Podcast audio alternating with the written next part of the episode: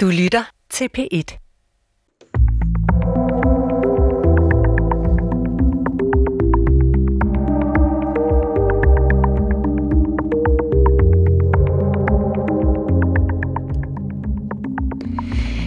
Hvad er visdom, og hvor er hun henne i en tid, hvor verdens uretfærdigheder konstant trænger sig på? Hvordan ved man, at man er vis? Er visdom erfaring? Er det klogskab i boglig forstand, eller er det en dybere erkendelse, som vi alle er født med? Nu på denne påskedag, hvor vi fejrer det utrolige i Jesu opstandelse, ser vi på visdommen her i Tidsånd, programmet, der taler verden ind i troen og troen ind i verden. Mit navn er Paula Larein. Velkommen til.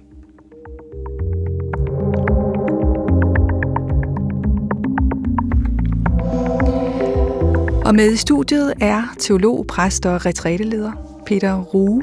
Velkommen til dig. Tak. Du er også formand for noget, der hedder Nutidig Kristens Spiritualitet. Hvad er det? Nutidig Kristen Spiritualitet er en øh, forening af mennesker, som er optaget af indre praksis, fordybelse ind i det kristne. Vi ligger inden for den folkekirkelige horisont og er optaget af at øh, gøre erfaringer i forhold til det kristne og undersøge, hvad det er, der udspringer af muligheder, liv og forståelse, er det at øh, tage fordybelsesmuligheden til os og forholde os til den kendskærning, som det i mit perspektiv er, at den bevidsthed, som var levende hos Jesus, øh, er levende den dag i dag, og lige så fuldt virker ind i mennesker, som den har gjort til alle tider.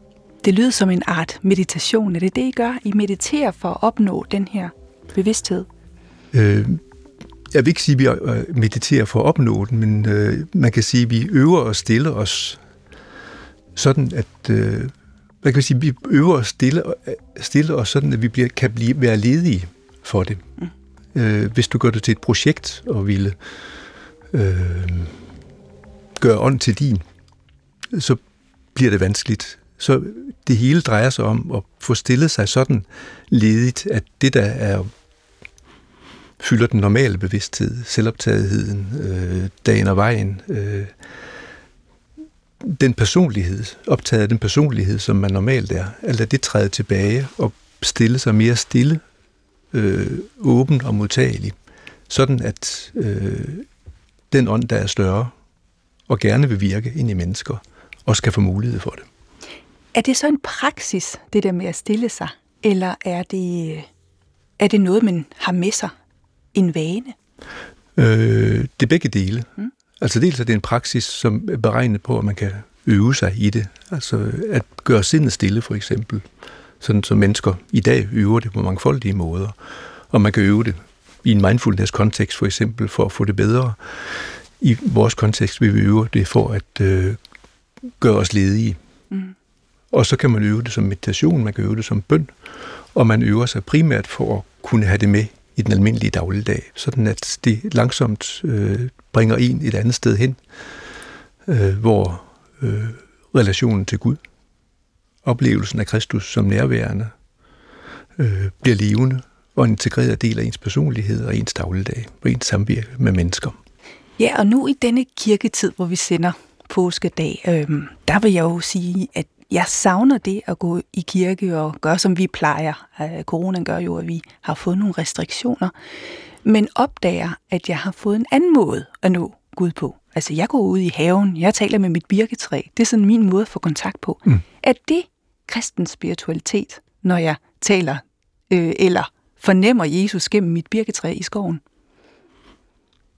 Det kunne det gerne være. Altså spurgte du Grundtvig og hans opstandelsesalmer, så ville du givetvis få et ja. Ikke? Og spurgte du egentlig øh, hvis i middelalderens optagethed af, af Gud i naturen og helligånden i naturen, så ville du også få et ja. Mm. Øh, jeg vil øh, flytte fokus øh, ind, ind i kroppen mm. øh, og sige, øh, har man ikke et kirkerum til rådighed, så har man et brystrum eller et hjerterum til rådighed. Og i det mål, øh, man øver at... Øh, vender sig til at forankre opmærksomheden der, vil man også opdage dels, at rummet åbner sig indad, men at det i den grad også åbner sig udad. sådan at man øh, at den opmærksomhed, der udspringer af kontakten til hjertets inderste, oplever, at verden bliver beåndet.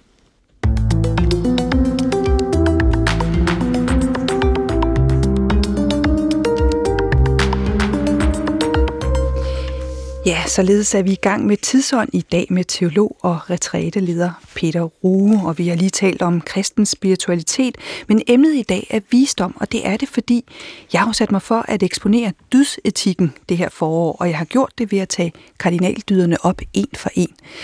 Vi har været igennem mod, vi har været igennem retfærdighed og mådehold, men visdommen, den fjerde af de oprindelige kardinaldyder, den mangler og jeg må indrømme, at jeg har skubbet den en lille smule foran mig, fordi jeg har haft lidt svært ved at få greb om den, eller retter om hende. Og nu siger jeg jo hende. Her fra Gamle Testamente, Siraks visdom, kapitel 24. I den højestes forsamling tager hun ordet og roser sig over for hans herskare. Jeg udgik af den højestes mund – og som en tåge dækkede jeg jorden. Der tog bolig i det høje, og min trone stod på en skysøjle. Jeg alene vandrede på himmelbuen og færdedes i afgrundens dyb. Over havets bølger, over hele jorden, over et hvert folk og folkeslag fik jeg magt. Blandt alle dem søgte jeg et hvilested. I hvis land skulle jeg slå mig ned. Da fik jeg en befaling af ham, der har skabt alt, og han, der har skabt mig, gav mig til sidst bolig og sagde, tag bolig Jakob og tag land i eje i Israel. Før tidernes begyndelse skabte han mig, og indtil tidernes ende vil jeg ikke ophøre med at være til. Ja, det er jo meget klart, at visdommen er en hund, det her fra Siraks visdom i, øh, i øh, Gamle Testamente. Hvor ved vi egentlig det fra, at hun er en hund? Det ved vi indlysende, fordi hun præsenterer sig som en kvinde, som en kvindestemme. Øhm, hun øh, optræder, eller kommer til ord, i en øh, samling af tekster, som står dels i ordsprogenes bog, og dels i øh, Salomos visdom og, og i øh, Siraks visdom som man kan finde i øh, den der apokryfe del af Gamle Testamente, som ikke er med i alle bibeludgaver, men stadigvæk hører med til den øh, protestantiske bibeltradition. Mm. Hun hedder på græsk Sofia, og det er det navn, man kender hende på. Det, der betyder visdom. Og sådan er hun, giver sig til kende. Ja, meget tydeligt endda med hun. Men, men hvad er visdom så i Bibels forstand? Bibelsk øh, visdom, hvis vi nu nøjes med det, som er, er visdom, der hvor hun øh, kommer til ure. Øh, I de tekster, hun, øh, hun taler ind i, der er der to kvaliteter, som er meget tydelige. Og det ene, det er øh, det vi kunne kalde spirituelle kvaliteter. Øh, på den ene side, øh, som vi forbinder med ånd, som vi forbinder med øh, kærlighed, omsorg, det man med Paulus kunne tale om som åndens frugter. Hun er øh, den, der øh, er advokat for øh, dem, der lider. Hun er medfølelse. Hun er advokat for øh, det levende, fordi hun taler øh, på Guds vegne og ser på verden med Guds øjne. Og øh, hvor hun ikke bliver hørt, hvor hun ikke får lov til at øh, komme igennem, hvor hendes øh, tale ikke bliver forstået, der bliver hun øh, skarp, kritisk og råbende af mennesker, som ikke vil høre efter. Så der er to aspekter i hendes øh, måde at præsentere sig på. Det ene, det er som ånd, som virkende og skabende, som Guds skabende og virkende ånd ind i verden. Den kvalitet, vi normalt vil øh, forbinde med øh, Guds ord, altså Guds skaberord. Og så på den anden side, når det ikke bliver hørt, så er hun den, der råber højt, skælder ud. Hvad betyder det, at hun, at hun står som hun, altså at visdom er af hunkøn? Det har været en overraskelse for datiden, ikke? fordi hun jo taler ind i et i formodet uhyre mandsdomineret samfund. I, i, I grunden er hun ikke, øh, altså hvis man ser på det ovenfra, så vil sige, så er visdommen ikke kønnet. Altså visdommen hører til et sted, hvor, hvor, øh, hvor der ikke er køn som sådan. Den kan øh, tale igennem det kvindelige, og den kan tale igennem det mandlige. Men her taler den igennem det kvindelige, og det gør, at man lytter med andre ører. Og det har vi i dag, og det har de givetvis også gjort dengang. Altså man bliver egentlig overrasket over det. Øh, at, øh, at høre øh, ord af den type, sagt med så meget vægt, talt fra Guds inderste, af en kvindestemme. Så jeg tænker, der er et, et elementært pædagogisk greb i det. E-, et andet aspekt, som man kan sige er mere psykologisk orienteret, det er, at meget af de her tekster, de er jo øh, formuleret øh, igennem mænd, hvis man tager for, for pålydende, at hun taler og giver stemme til nogen, så er det mænd, der har skrevet det ned. Så hun er, kan man sige, det, et billede på det indre kvindelige, den indre kvindelige visdom hos mænd. Mm. Kvinder hører dem nogle gange anderledes. De hører meget mere autoriteten, selvfølelsen, myndigheden, kraftfuldheden i dem. Hun der stiller sig op foran øh, alle herskaren i himlen og her, siger, her er jeg, jeg er den førstfødte. Så der er to, altså man kan høre hende på mange måder. Hun har på den måde mange stemmer. Det er jo interessant, at at man lytter til hende forskelligt, afhængig om man er mand eller kvinde, som du siger. Altså det er jo mænd, der har formentlig har skrevet det her ned. Hvorfor har de haft et behov for at udtrykke visdommen som hun? Øhm, fordi mandens visdom, eller mandens vej til visdom, øh, går gennem det kvindelige. Det, det er ikke en påstand, jeg sådan, øh, det er ikke noget, jeg har fundet på som sådan, men øh, det vil være, hvis du følger Jung for eksempel, ikke, og den jungianske psykologi, så vil man sige, at mandens vej til, til visdom, til indsigt, til, øh, til ånd, går gennem det kvindelige, gennem at forstå, at, at øh, det kvindelige også er en del af mit væsen, og på samme måde, eller omvendt vil man sige, at kvindens vej til visdom går gennem det mandlige. Men hvad har visdom med påsken at gøre? Der sker det, at øh, Sofia, bliver øh, forbundet med Jesus. Sådan at man, selvom det ikke står skrevet ordret, med meget ret kan hævde, at visdommen tager bolig i Jesus. Og hvis vi skal gå lidt længere tilbage, altså må spørge, hvad er, øh, hvad er visdommens væsen mm. i Bibelen? Og man kan pege på to træk, hvis man går til visdomsbøgerne for mm. eksempel. Og skælne mellem Grundlæggende drejer det sig om frygt for Gud. Altså respekt for, at Gud findes, som det helt overordnede. Og det er det, der begrunder, at mennesker skal leve på en bestemt måde. Gud har bestemte forestillinger om, hvordan mennesker skal leve, hvad der er ret og hvad der ikke er ret. Og det er det, der egentlig er visdomsbøgernes øh, anlæggende at tale det, og det gør de på to måder. Dels ved at tale konventionel visdom, som man kan finde det i ordsprogenes bog. Så den, den ene, øh, det ene mundhæld, det ene ordsprog efter det andet, legnet op, som fortæller om, hvad der er ret og hvad der er godt, og hvordan mennesker skal leve. Øh, Nordenvinden giver regn, bagtagelse giver dårlige miner. Mm. Hellere bo i en krog på loftet, en del hus med en stridbar kone, eller den, der graver en grav for andre, falder selv i den, og så videre. Sådan en folkelig visdom, som man kunne forestille sig at give videre fra de ældre til de yngre. Mm. Konventionel visdom. Så er der et andet spor, som er ukonventionel visdom, som har at gøre med det, der kan forandre verden. Og det er, Sofia er i den grad advokat for det sidste. Mm. Og det er Jesus også. Mm. Man kan sige for eksempel, at hvor den almindelige verden er optaget af besidde, stille behov, øh, hævde sig magtmæssigt, så vil visdommen i den ukonventionelle form som en visdom for mennesker ved optaget for eksempel af medfølelsen, af omsorgen for dem, der ikke har magt eller ret i verden. Det vil være øh, helhedens perspektiv på det, der er til. At, At, man kan sige, det er det, det er det spor i visdommen, som tager bolig i, som et væsen tager bolig i Jesus. Vi ved ikke, om han har, han har givetvis kendt teksterne, fordi de var almindeligt kendte, og gik man til synagogus tjeneste, som han givetvis har gjort, så har man øh, kendt øh, visdomstalen. Ja, for man genkender meget af det, som han gik rundt og sagde, genkender man jo netop fra de her ordsprog. Altså, der er jo en kobling der.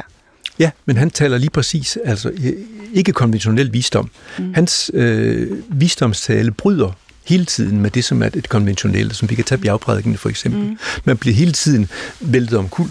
Ikke? Man bliver for hele tiden trukket tæppet væk under sig. Hvem kan leve op til det med at skulle elske sine fjender, og hvem kan leve op til det at uh, give slip på det, man ejer, osv.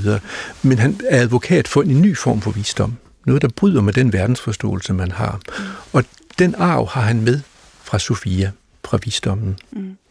Den visdom, som Jesus bærer ind i verden, det er Sofias visdom. Det er hendes syn på verden. Og i det spor, at visdommen, så at Guds visdom, har taget bolig i Jesus, er det nødvendigt, siger han til disciplerne i afskedstalen op til påskedagene, afskedstalen til disciplene, der er det nødvendigt for jer, eller godt for jer, at jeg går bort. Fordi hvis jeg ikke går bort, så kommer talsmanden, ånden, helligånden, ikke til jer og vejleder jer. Og hvis man undlader at hæfte sig ved, at talsmanden er et mandligt ord, mm. og kan forstås, og må forstås mandligt, øh, det er der ikke så meget tvivl om, men siger, det der er det afgørende, det er, at den visdom, den kraft, den ånd, der har boet i Jesus, for at disciplene og derfra dem, alle kristne, kan få del i den. For at det, det, kan, det kan ske, er det nødvendigt, at Jesus dør og opstår. For at hans bevidsthed kan leve videre og fordele sig ud og blive tilgængelig for alle kristne i verden. Sådan at alle får del i visdommen. Men er det ikke det, vi kalder helligånden? Det øh, er det, vi normalt kalder helligånden, og meget af det, vi siger om helligånden, er også som tekster og som inspiration hentet fra eller kan knyttes til visdommen. Men kan Helligånden ikke også være en hund? Altså, fordi det er jo bare ånd. For min skyld kan Helligånden godt være en hund. Det var uventet før, var du inde på før. Men det er også uventet i dag, i hvert fald i en vestlig forstand, det der med, at Helligånden skulle være en hund, eller visdommen skulle være en hund. Men hun er bevaret i Østkirken. Hvordan kan det være, der er det skal? Øh, altså, der sker det meget tidligt, og det sker jo, som jeg lige berørte før, øh, det sker allerede, mens øh, evangelieskrifterne bliver til, at øh, man, øh, man tager de tekster, de forholdsvis mange tekster i Gamle Testamentet, hvor visdommen, den kvindelige visdom, optræder, og overfører dem og selve forestillingen om, at Gud har, at Guds ånd øh, er til stede som en selvstændig stemme og kan tage bolig i Jesus. Det, det løsner man fra kønnet og overfører forestillingen om Guds visdom på Jesus, sådan at man vil sige, at Jesus er Guds visdom. Og det er vel øh, dybest set, fordi det bliver et mandligt samfund og en mandlig struktur og en mandlig kirke, der tager over og forvalter impulsen fra det kristne. Det bliver meget tydeligt i Vestkirken, hvorimod Østkirken bliver sporet lidt anderledes. Der får Maria en tydeligere plads, blandt andet fordi hun bliver, fordi klostrene, tror jeg, står meget stærkere i, i Østkirken, og klostrene befolket af mandlige munke, overvejende, øh, at de har brug for, for at kunne række efter visdommen, for at, at kunne række efter oplysningen, for at kunne række efter guddommeligheden, guddommeliggørelsen, som er Østkirkens vision for mennesket, har de brug for at kunne forholde sig til det kvindelige, til Maria, til visdommen, på en helt anden måde, man har haft i Vesten. Men i Vesten og i Østen har mænd jo domineret samfundet, men alligevel er der det der, den der skældning. Vi kan du sende mig nogle ikoner, som egentlig viser øh, meget tydeligt, hvordan kvinden er med. Altså den ene af dem, der står Maria Sofia og belærer kirkelærerne selv. Hvad, hvad, hvad kan man sige om det ikon? Altså, jeg kan sige dig, hvad jeg selv mm. tænkte første gang, jeg så den. Mm. Og det var en, en forbløffelse over, at øh, når man ved lidt om, hvor øh, autoritær og rigid den øh, ortodoxe kirke i Rusland, i Grækenland og øh, kan være, at så se øh, de forsamlede kirkelæger og kirkefyrster knæle foran en kvindeskikkelse, som står med et papir i hånden, teksterne fra visdommens bog, og belærer dem og læser op for dem. Hvornår er de fra, det ikon? De er fra, den, den første, jeg tror de begge to er fra 1700-1800-tallet. Mm. Altså det, det er ikke sikkert, at man har en uh, egentlig Sofia-visdom øh, i middelalderen allerede. Men i, fra 1600-tallet og frem efter kommer der en bølge af interesse i den øh, ortodoxe kirke for øh, den kvindelige visdom. Og for at forbinde hende, dels at forbinde hende med Maria meget tydeligt, men også en interesse i at selvstændiggøre hende. Ja, du siger, du var forbløffet, da du så den, og det, og det er jeg sådan set også, fordi jeg ved ligesom, hvor meget Jesus fylder i vores kirke. At det er ham, der ligesom belærer. Mm. Men han er ude af billedet her, eller det vil sige, at han er oppe i himlen, og så lader, hun talsperson, lader han talspersonen være en kvinde. Mm. Øhm, det andet ikon, som, øh, som du har sendt til mig, det er en kvinde, der sidder og troner. Og så er Jesus bag hende, og så, øh, men det er hende, der ligesom er fyrsten, kan man vel kalde og hun er englevinger. Altså, det er autoriteten af kvinde her. Hvad, hvad fortæller det ikon? Det er, hun troner i, øh, i midten af kosmos. Mm. Man kan se det på øh, de blåhvide cirkler, der er bag ved hende, som er et kosmosbillede, og Kristus troner over hende, og kan man sige, giver hende autoriteten. Hun er forbundet med Kristus. Ingen tvivl om det. Men alligevel fremtræder hun med en, øh, en selvstændig holdning, en selvstændig myndighed. Og det gør hun, fordi hun øh, holder dom. Hun står mellem øh, Johannes Døberen og Maria, og med Kristus over sig, som sagt. Og jeg tænker, og så sidder hun tronende på et øh, på sådan en klassisk fyrste trone med kloden, jordkloden under sine fødder. Mm. Hendes, og så er hun rød. Ja, hun hvad betyder det? I, I al sin verden, det er ild. Mm.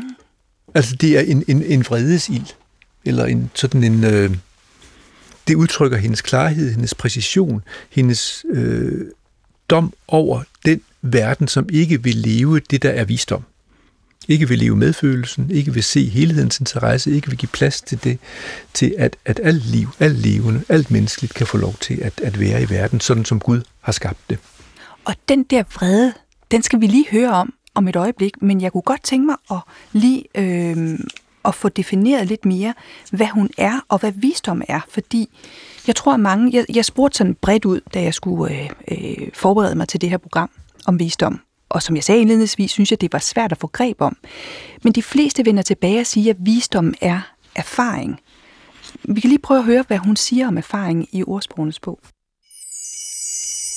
Visdommen har bygget sit hus, tilhugget sine syv søjler. Hun har slagtet sit slagtekvæg, krydret sin vin og dækket sit bord. Hun har sendt sine piger ud for at udråbe oppe fra byens højder. Den uerfarne kan dreje ind her. Til den uforstandige siger hun, Kom, spis af min mad. Drik af den vin, jeg har krydret. Slip uerfarenheden, så skal I leve. Slå ind på den forstandige vej. Den forstandige vej, og man skal slippe uerfarenheden. Hvad ligger der i det? Jeg tænker, at den forstandige vej er at, øh, at søge at se verden med Guds øjne. Sådan som øh, jeg hører det ind i de tekster, vi har om Sofia, øh, hvor hun er den, der ved af alt, hvad der er skabt. Er til stede i det hele. Gennemstrømmer det hele. Hun er den, ved hvem verden er blevet til, siger hun om sig selv. Mm. Og det perspektiv på, på verden, tænker jeg, er øh, erfaring, visdom, indsigt. Igen og igen at blive ved med at søge at se helhedens perspektiv.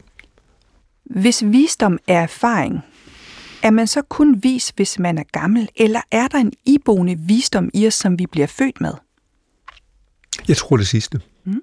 Og jeg tænker, at et, et væsentligt øh, et væsentligt udtryk omkring Sofia, det er, at hun øh, er, man kan sige, en samviden mm. mellem Gud, der er kilden, mellem det, der er blevet til, alt hvad der er blevet til. Hun er til stede i sit væsen med alt hvad der er til, og mennesket. Så en samviden mellem den skabte verden, Guds væsen som kilden, og mennesket. Og visdommen er i den forstand nedlagt i øh, hvert eneste menneske som en del af det at være skabt af Gud. Og det, der er problemet, er, at mennesker glemmer det. Det er ikke det, vi lærer i skolen. Der er, det er det, der er kirkens opgave. At huske mennesker på, at visdommen er levende og er til stede. Det er det, der er dåbens opgave. At minde om, vække til live igen, det at, øh, at Guds ånd øh, har taget bolig i hjertets inderste.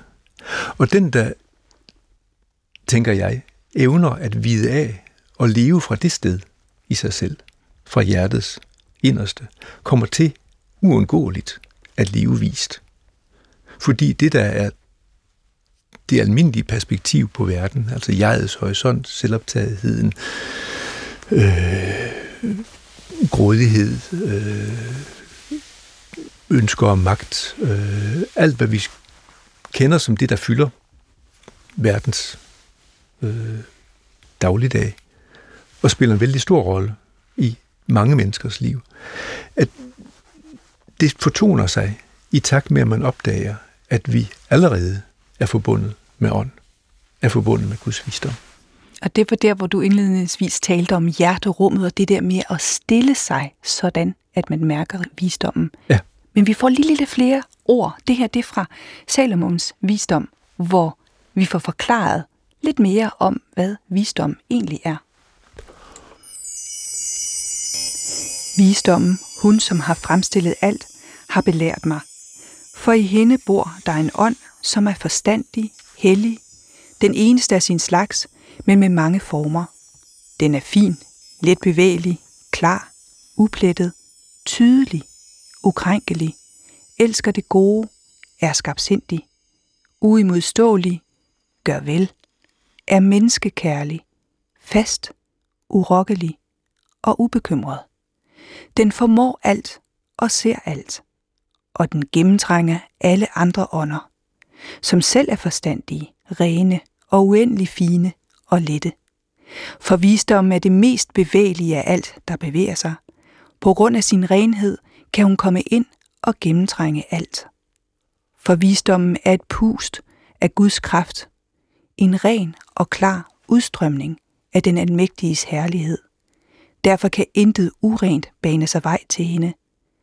Visdommen er en glans af det evige lys, et pletfrit spejl, der viser Guds virken, et billede af hans godhed.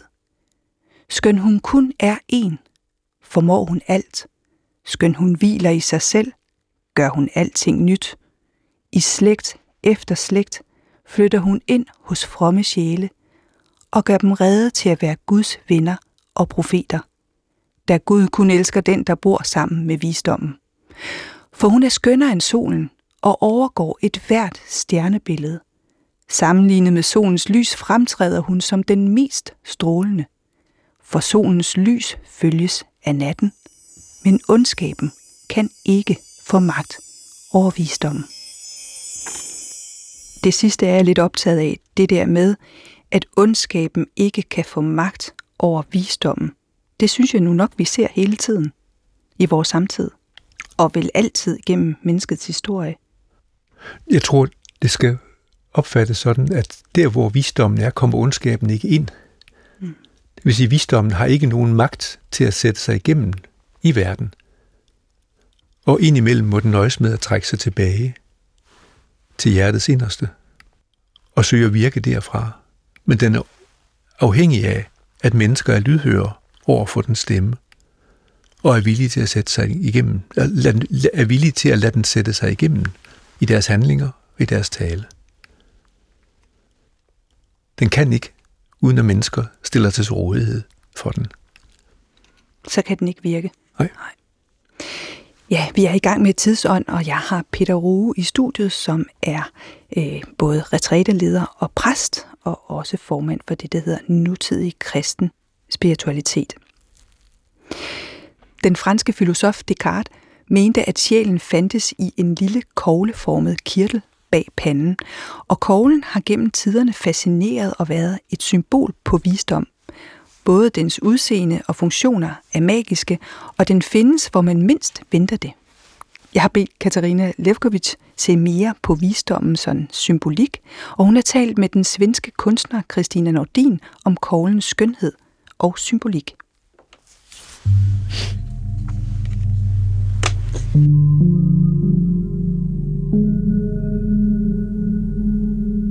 De har gjort sitt, de har, de har fällt sina frö och det finns inte mer till Bay. Men det är små skulpturer, alltså, det finns inte någon Cole som är den andra lik. De, de är ju som rent formmässigt helt fantastiska. En sånt lille mikrokosmos. Den findes i Vatikanet, oven på Buddhas hoved, som Paul Henningsens ikoniske lampe fra 1957, og inden i os, i det inderste af hjernen, i form af en kirtel. Koglen, mystisk, smuk i sin fuldendte form, dragende i sin symmetri, og ladet med en esoterisk og årtusind gammel historie og symbolik. Jamen, koglen er en blomst på et, et nåletræ. Och så består den ju av en massa, alltså det är som en lille behållare, är alla de frö. Eh, så i hver sån här lilla lamell så sitter det två frö. Och sen så är det lite fantastiskt för att den, den föler när, när det är lite tör i luften. Eh, och när det är helt perfekta omständigheter för att den ska så frö sig så öppnar den sig och då knäcker det. Så då kan man höra de där lyn och i skån. Och så faller fröna ud. Koglen er fra alle tider forbundet med den højeste visdom. Når man kigger godt efter, ser man den mange steder. I pavens stav, i en 4 meter høj bronzekogle i et gårdanlæg i Vatikanet, og i årtusind gammel hinduistisk og buddhistisk kunst.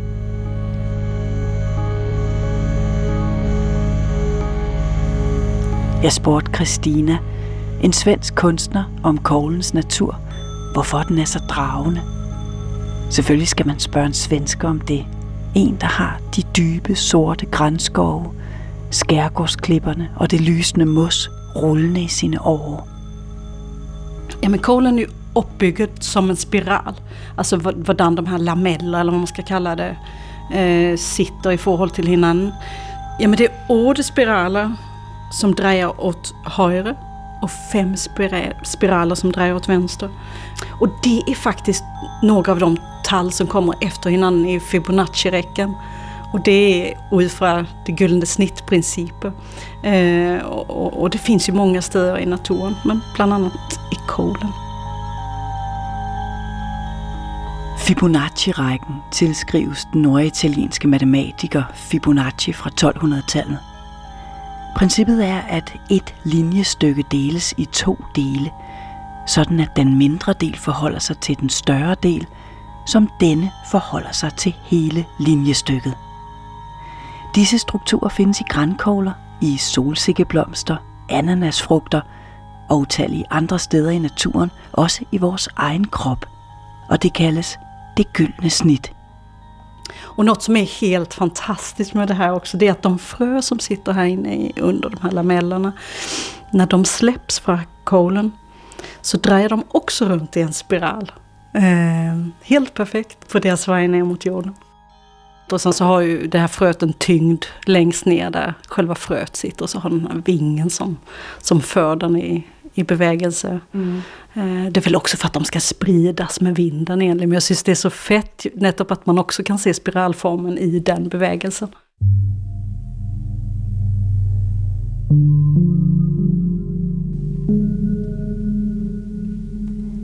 Pinealkirtlen, eller koglekirtlen, den har fået tilnavnet det tredje øje. Dens vægt er 15 milligram og er formet som en grænkogle. Egentlig bare en lille kirtel i det endokrine system, der producerer hormonet melatonin og styrer centret for søvn og vågen tilstand, for lys og mørke. Men den er også blevet kaldt en af menneskets største hemmeligheder og er stadig genstand for intens forskning.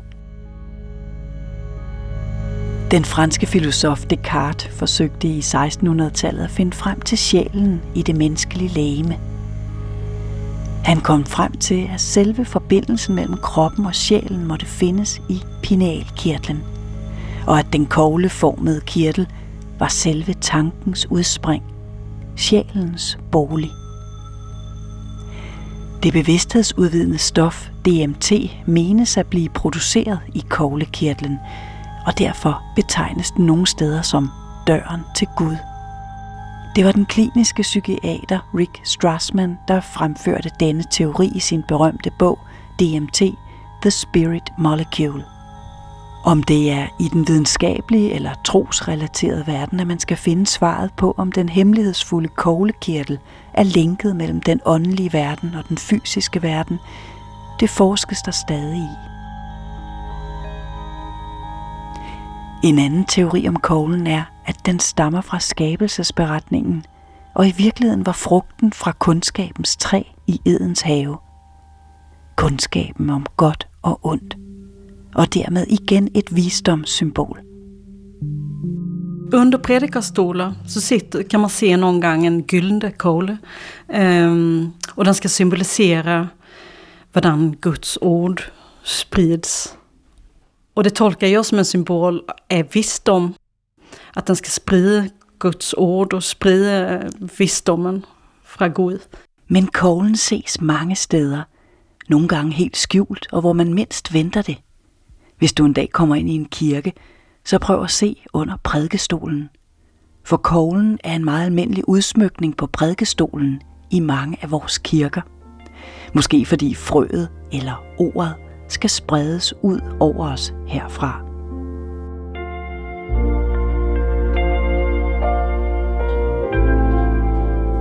Alla har sin egen lilla personlighet. Eh, det är som en lilla skulptur som ligger där i skåpen.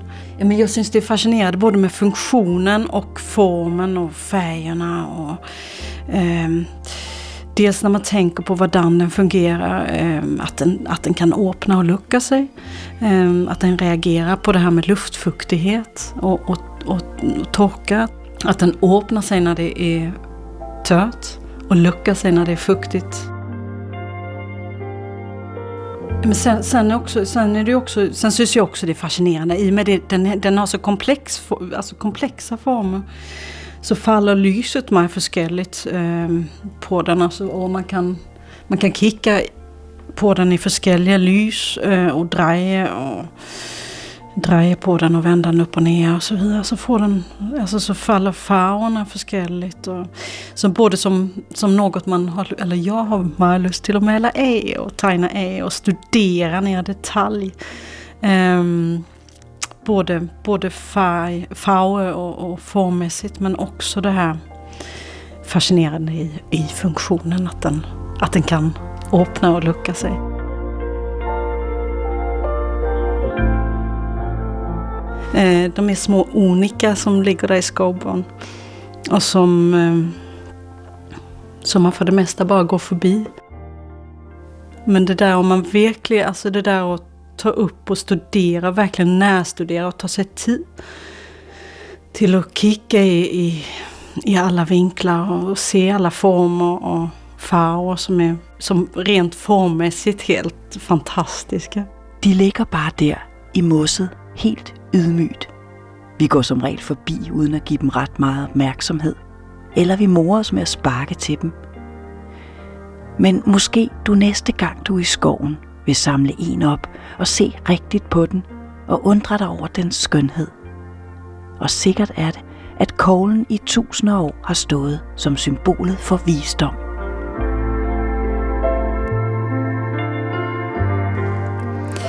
Ja, det var Katarina Levkovic, der havde talt med Christine Nordin om koglens vidunderlige egenskaber og symbolik og symbol, kan man sige, på visdom øh, og på naturens visdom øh, i virkeligheden.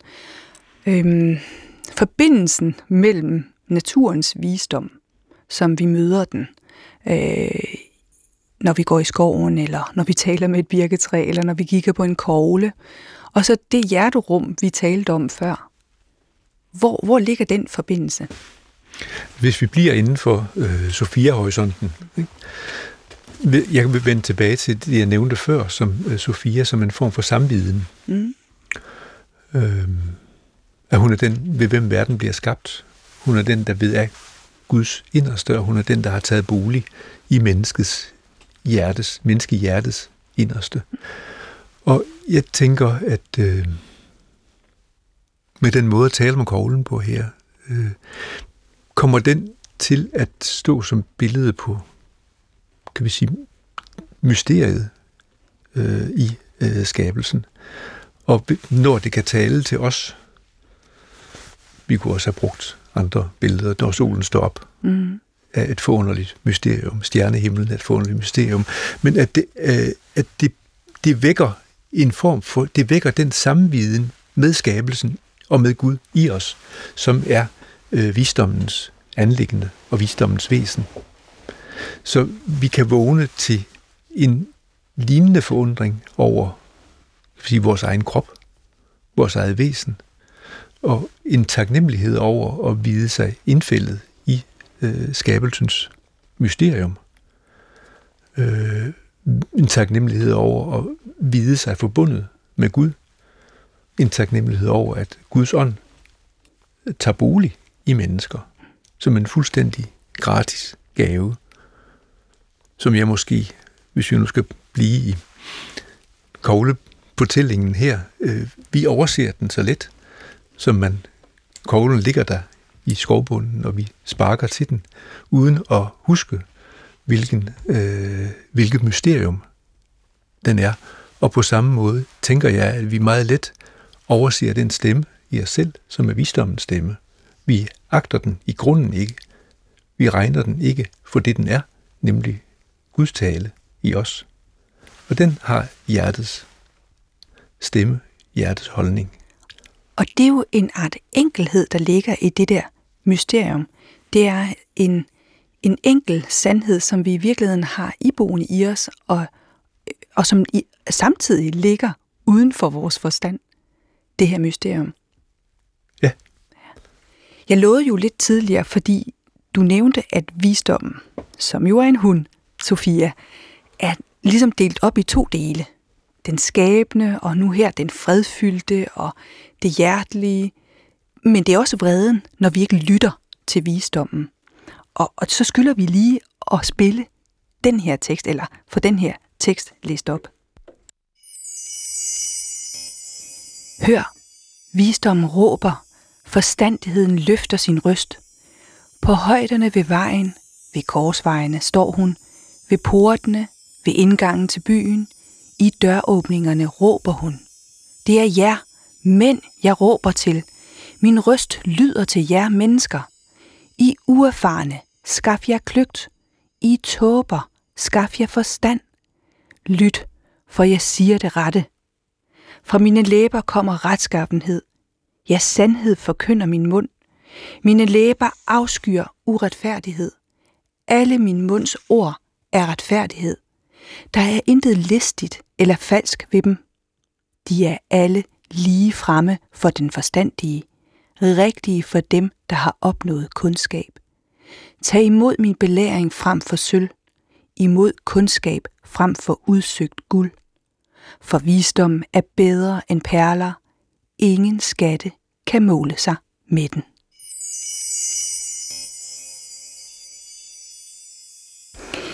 Ja, det er bedre end perler, visdommen. Men her råber hun. Her er hun vred, fordi der ikke bliver lyttet til visdommen.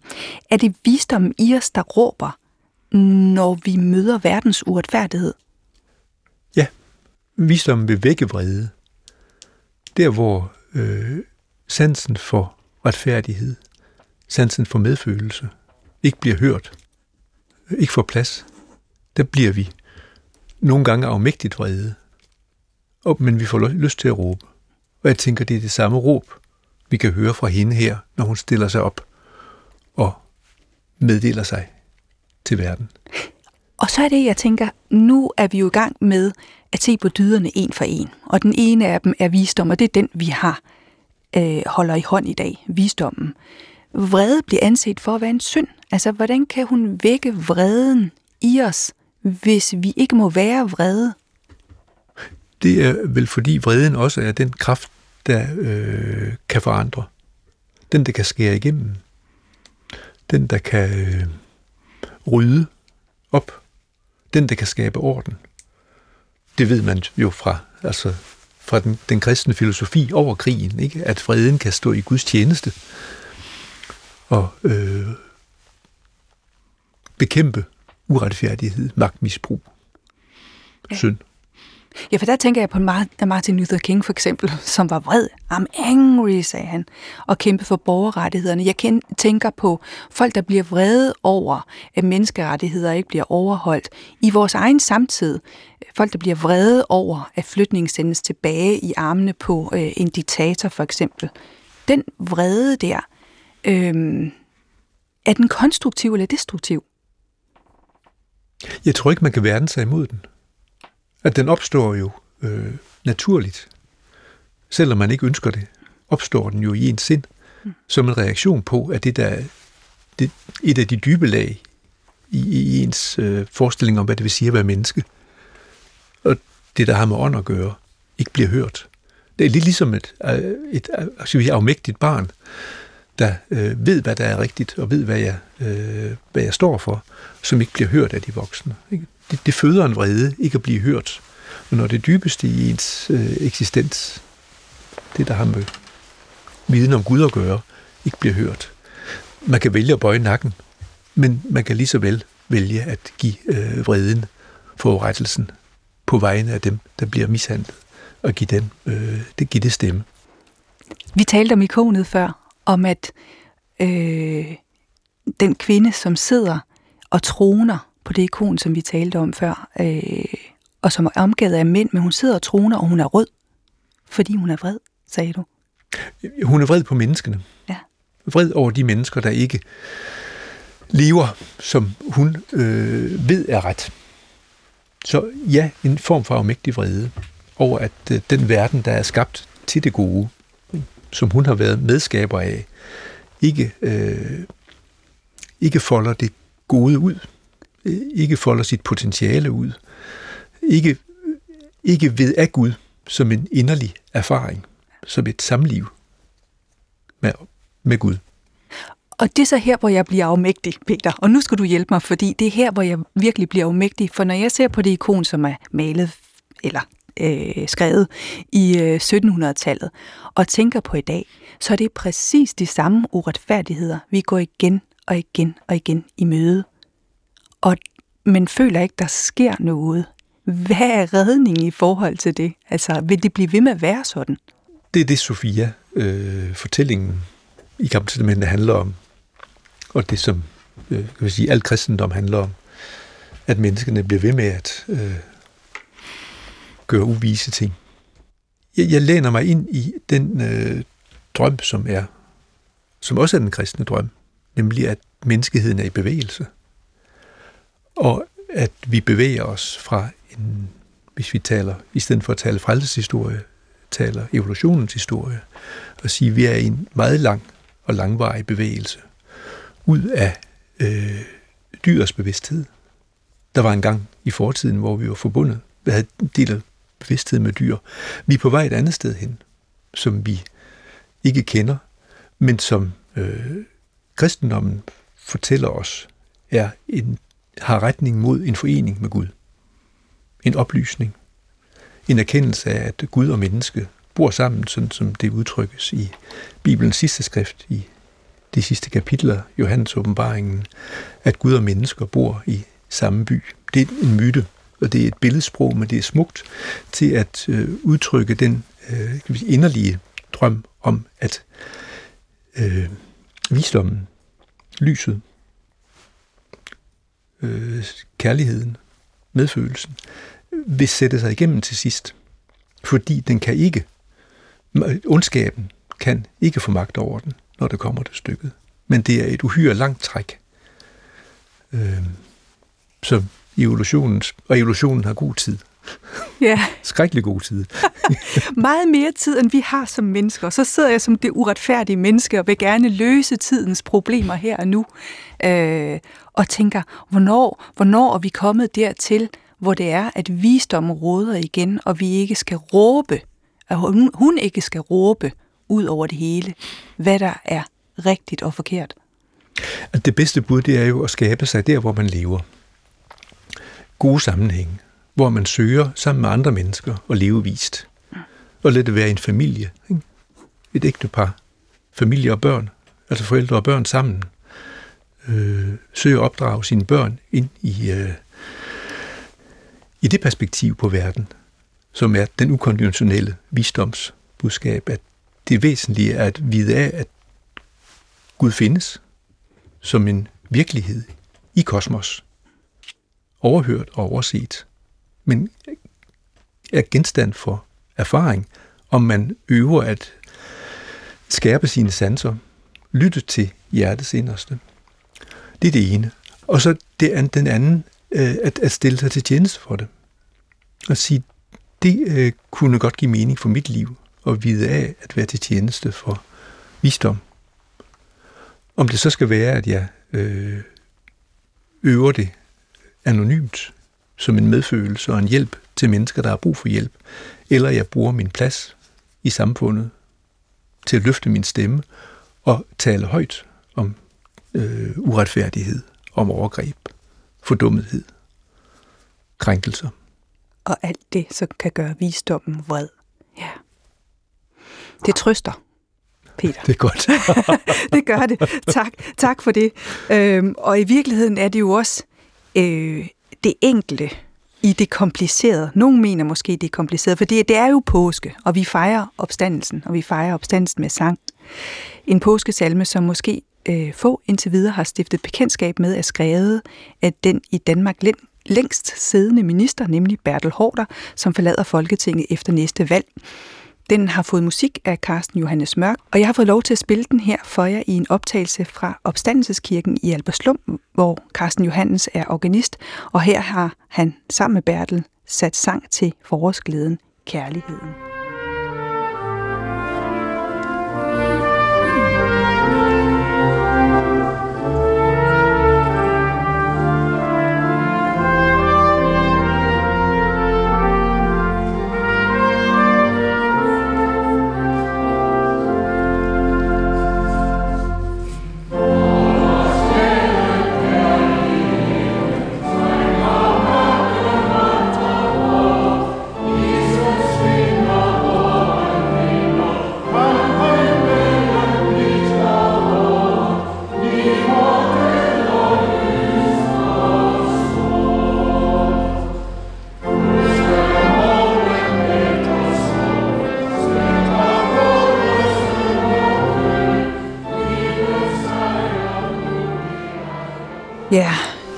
Fortoner den sig en enkelt sang, Påskeglæden, Kærligheden. Og jeg kan måske, fordi man kan jo ikke rigtig høre, hvad der bliver sunget, men jeg kan læse det første øh, vers af den, som er Forårsglæden, Kærligheden, trænger mørke magter bort, isen svinder, våren vinder, kampen mellem blidt og hårdt, liv og død, lyst og sort.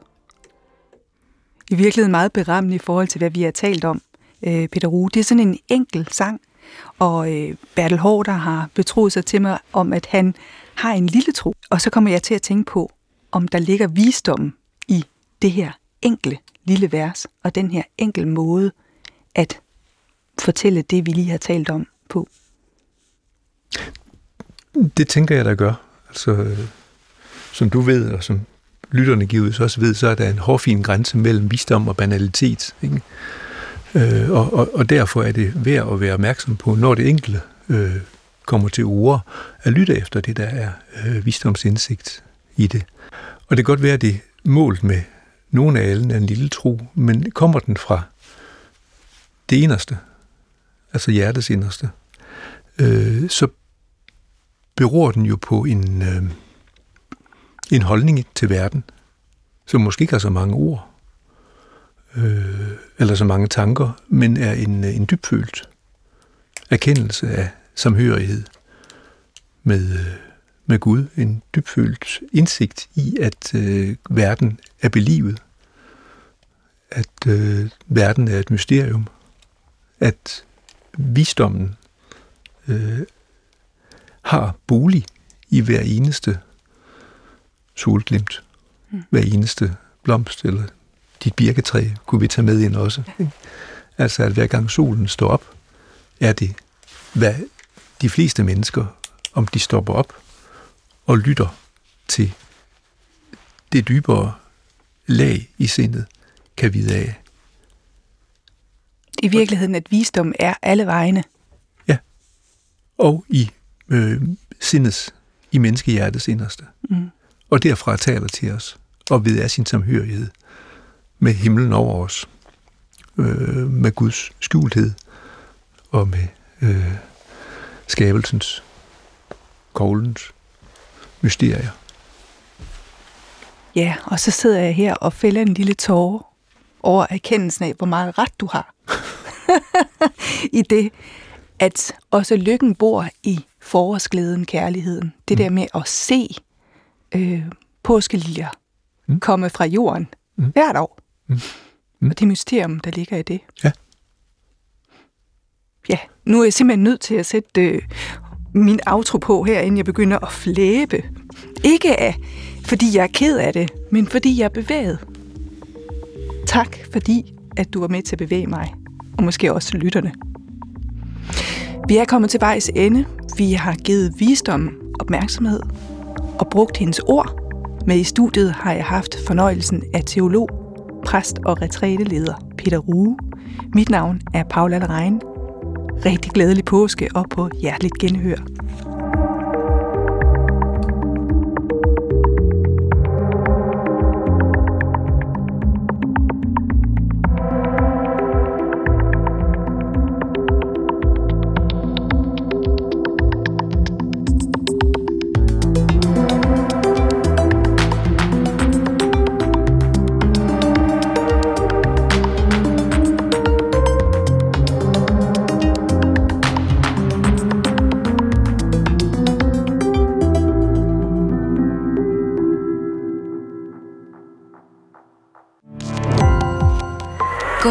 Opdagelse i alle DR's podcast og radioprogrammer. I appen DR Lyd.